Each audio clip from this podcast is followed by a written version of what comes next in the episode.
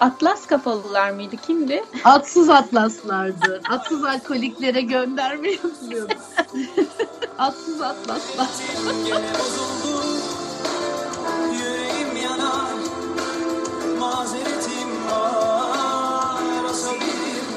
İç karartıcı hatta iç parçalayıcı haberler her an hayatı algılayışımızı değiştiriyor ve bizi her geçen gün daha çok ele geçiriyor. Hatta itiraf edelim, faturaların, siyasetçilerin bizi kovaladığı rüyalar bile görüyoruz.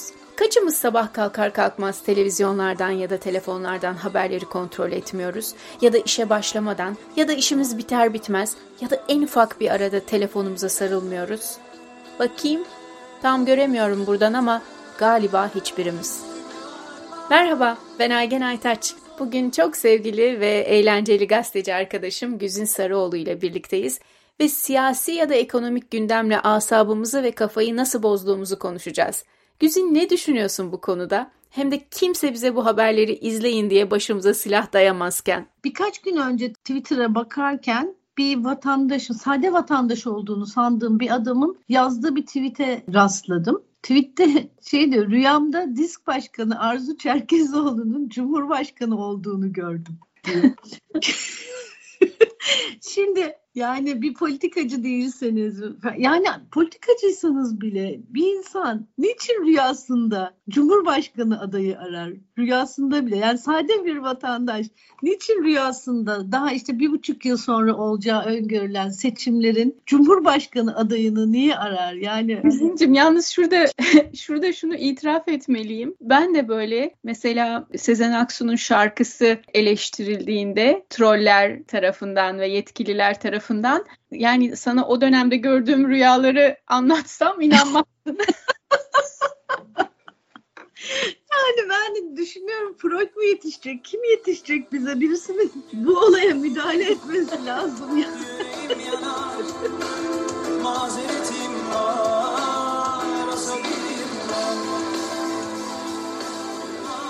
Yapılan araştırmalarda birçok insanın rüyasında işte felaketlerden etkilendiklerini gösteriyor. İşte güvenlikle ilgili problemlerden, bir sürü şeyden yani işte siyasetteki karışıklıklar, depremler, saldırılar vesaire çok insan bunları rüyasında görüyormuş biliyor musun? Niye yani biz gündelik siyasetle bu kadar böyle birebir ilgileniyoruz? Niye işte gece yarısı uyanıp da resmi gazeteyi kontrol ediyoruz? Hangi bakan alındı, hangi kurum kuruluşun başkanı nereye tayin edildi? Neden sence? Ya birinci nedeni bence şu olabilir. Emniyette hissetmiyoruz kendimizi. Ya mesela Türkiye için konuşalım. Hani yavaş yavaş da olsa doğru adımların atıldığını, yavaş yavaş her şeyin düzeleceğiyle ilgili bir inancımız olsa mesela. Çünkü eskiden sanki biraz daha vardı böyle bir inancımız. Ama artık hiç yok. Son 10 yılda diyelim ki böyle sürreel, pek yani akılcı olmayan, anlayamadığımız politikalar izleniyor. Bunlar da bizim kendimizi güvende hissetmememize neden oluyor. E, bu durumda ne yapıyoruz? Kendimizi bir yerlere kanalize ediyoruz. Ondan sonra dayanışma için olabilir ya da bir çare bulamadığımız için böyle savrulmak olabilir. Ama aslında düşündüğümüzde mesela şu demin söz ettiğim araştırmaya da baktığımızda insanlar aslında hemen böyle yakın çevrelerinde bir tehdit yok. Hani senin benim de yok. Yani niye biz bu kadar güvenlikle ilgili kaygı duyuyoruz? Belki suçluluk hissediyoruz. Müdahale edememek, eli kolu bağlı olmak ya da gerçekten çok eşitsiz bir dünyada yaşamanın verdiği bir suçluluk olabilir. Sana bahsetmiştim. Hakan Günday'ın yeni kitabında Zamir'de bir atsız atlaslar diye bir gruptan bahsediyor. Yani fiktif tabii kurmaca bir grup ama e, gayet de olabilecek bir şey. Bunlar İskandinav ülkelerinde her şey olduğu halde bir türlü kendini mutlu hissedemeyen insanlar atsız alkoliklere gönderme yapılarak atsız atlaslar diye terapi gruplarına çağrılıyorlar. Oralarda birbirleriyle işte dayanışarak diyelim ki bu mutsuzluklarını gidermeye çalışıyorlar. Bunların aslında iki tane ortak özellikleri var. Ee, bir tanesi işte bizim gibi aynen gündemi takip ediyorlar sürekli. Şimdi gündemi takip etmek demek tabii ki şu demek yani dünyadaki açlık, savaşlar, yoksulluk, Diyelim ki Türkiye'de ya da dünyada kadınların durumu. Yani bütün bunlarla birlikte yaşıyorsun sürekli. Yani ikinci ortak noktaları da şu empati yapabilen insanlar. Evet yani bir yandan da hani sen de öyle düşünmüyor musun? Özellikle kadın konularında biz sadece suçluluk hissettiğimiz için değil alan daralıyor. Evet belki bir like etmek, haberi yaymak işe yaramıyor olabilir bir yandan ne olacak ki o kadının hayatında? Ama hiçbir şey yapmamak da bir söz söylememek de sanki. Çünkü ben söylenen sözün evet, bir şekilde evet. yankılandığına inanıyorum. Ya evet bu kadar böyle iç burkucu konularda doğru öyle yani ama esas olan o değil yani onu bilmemiz lazım. Demin bahsettiğim atsız atlaslar. Atlas adı da Yunan mitolojisinden geliyor. Atlas aslında gökyüzü demek ama e, Yunan mitolojisinde Atlas Zeus'a karşı çıkıyor. Zeus'la savaşmaya çalışıyor. Bunun üzerine Zeus da buna bir ceza veriyor. Ceza şu. Sen diyor bundan sonra ölene kadar dünyayı kafanda taşıyacaksın diyor bundan esinlenilerek yapılan heykellerden de biliriz Atlas'ı. Dünyayı kafasında taşıyan bir adamdır Atlas. E, onun gibi yani biz de aslında bu çok ağır bir yük. Yani dünyayı kafamızda taşıyarak yaşayamayız. E, zaten kişisel sorunlar oluyor, e, şu oluyor, bu oluyor. O yüzden bunun bir e, dengesini bulmamız gerekiyor. Doğru. Sen bulabildin mi hayatında? Ne yapmamız lazım onu bilmiyorum yani hakikaten Aygen.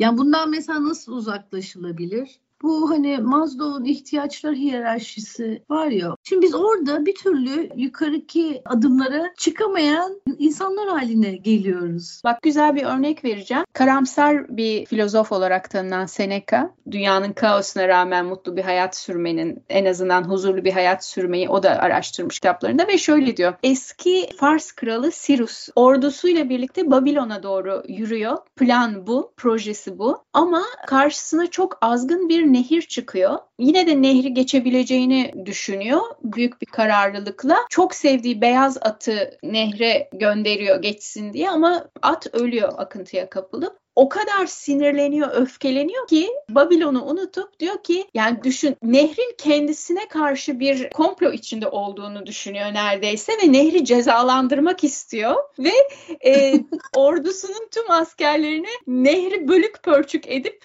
farklı kanallara ayırmalarını istiyor ki bir daha bu nehirden herhangi bir kadın eteklerini toplamadan geçebilsin diyor. Yani kendi projesini unutuyor. Aslında bu bizde öfke yaratan şeyler normal bir hayat sürmemizi, kendi kapasitemizi, potansiyelimizi ortaya çıkartabilmemizi engelliyor. Tabii tabii. Yani erişimimiz olmayan ya da nasıl etki alanımızla benim için önemli bir şeydir bu. Etki alanıyla ilgi alanını birleştirmek diye bir şey var. Etki edemeyeceğimiz alanlarda bu kadar çok vakit kaybetmek aslında hiç sağlıklı bir şeye işaret etmiyor bence. Haklısın. Ee, çok vakit kaybetmemize neden oluyor. Ya da mesela şunu da düşünüyorum bazen. Mesela sosyal medya takip ederek, gündemi takip ederek siyasi görüşlerini değiştirmek mümkün mü?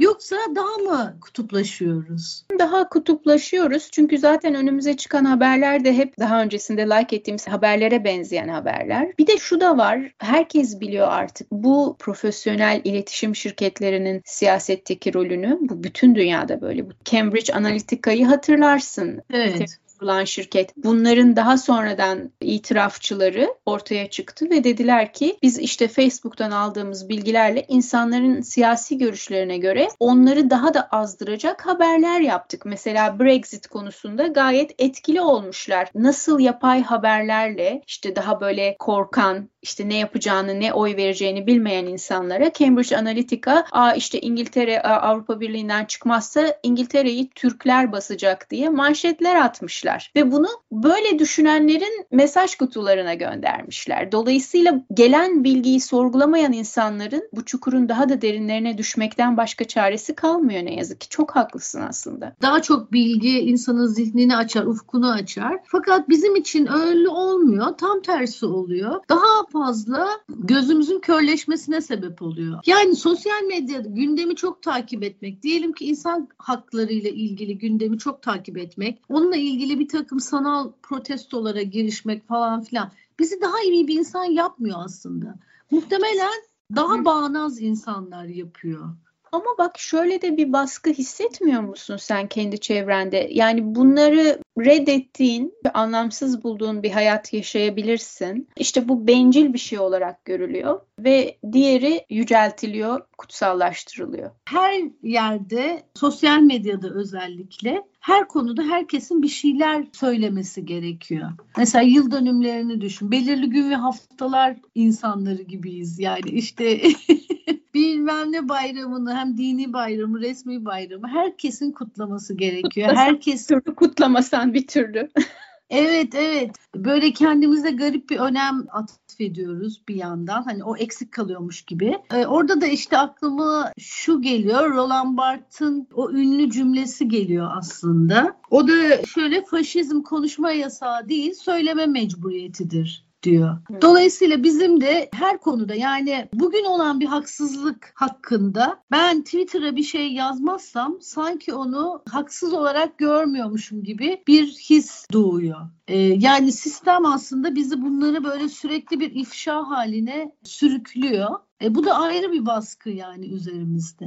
Şimdi protesto etmek değişik şekillerde çevre konusu, insan hakları konusu, kadın hakları konusu vesaire moda da oldu biliyorsun. Kişilerden başlayarak büyük şirketlere ve devletlere kadar böyle bir eğilim de var. Diyelim ki adamın arka bahçesinde iki tane ceset gömülü ama o da kadın hakları savunucusu, o da insan hakları savunucusu. İşte şirketler neler yapıyorlar? Petrol şirketleri, şunlar bunlar, altın arama şirketleri. Ama bir baksan en büyük insan hakları savunucuları onlar devletler, hükümetler de aynı şekilde. Dolayısıyla bizim bu konuya da dikkatli davranmamız gerek. Yani herkes bir moda gibi şu anda gençler arasında da çok yaygın bu. Mesela ölmekte olan bir sokak köpeğini bahçesinde yattığı için sopayla döven bir çocuğa rica ettim. Lütfen dedim. Yani şey yapma. Belediyenin veterinerini arıyorum dedim. Hemen böyle bana ah Aygen abla biz özel veteriner çağıralım.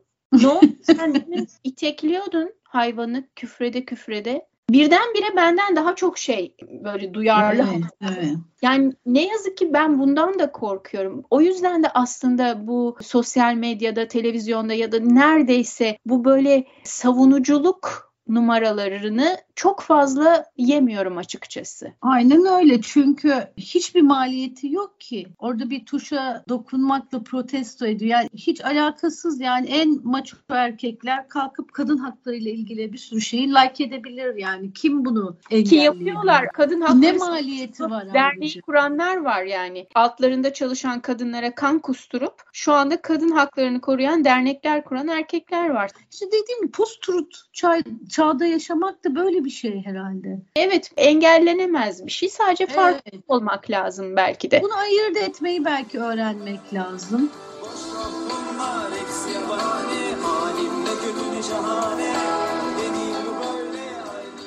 Bir insanın da gelişebilmesi için sürekli olarak ne oluyor falan değil de insanın biraz meraklarının arkasından koşması gerekiyor. Küçük Benim... ilgi alanlarını küçümsememesi gerekiyor aslında. Hem bu kadar keşfetmeye çalışmak dünyayı hı hı. hem de acılardan uzak kalmaya çalışmak bilemiyorum. Çünkü ister istemez karşımıza savaşlar, göçler, şunlar bunlar çıkıyor yani ne yaparsak yapalım.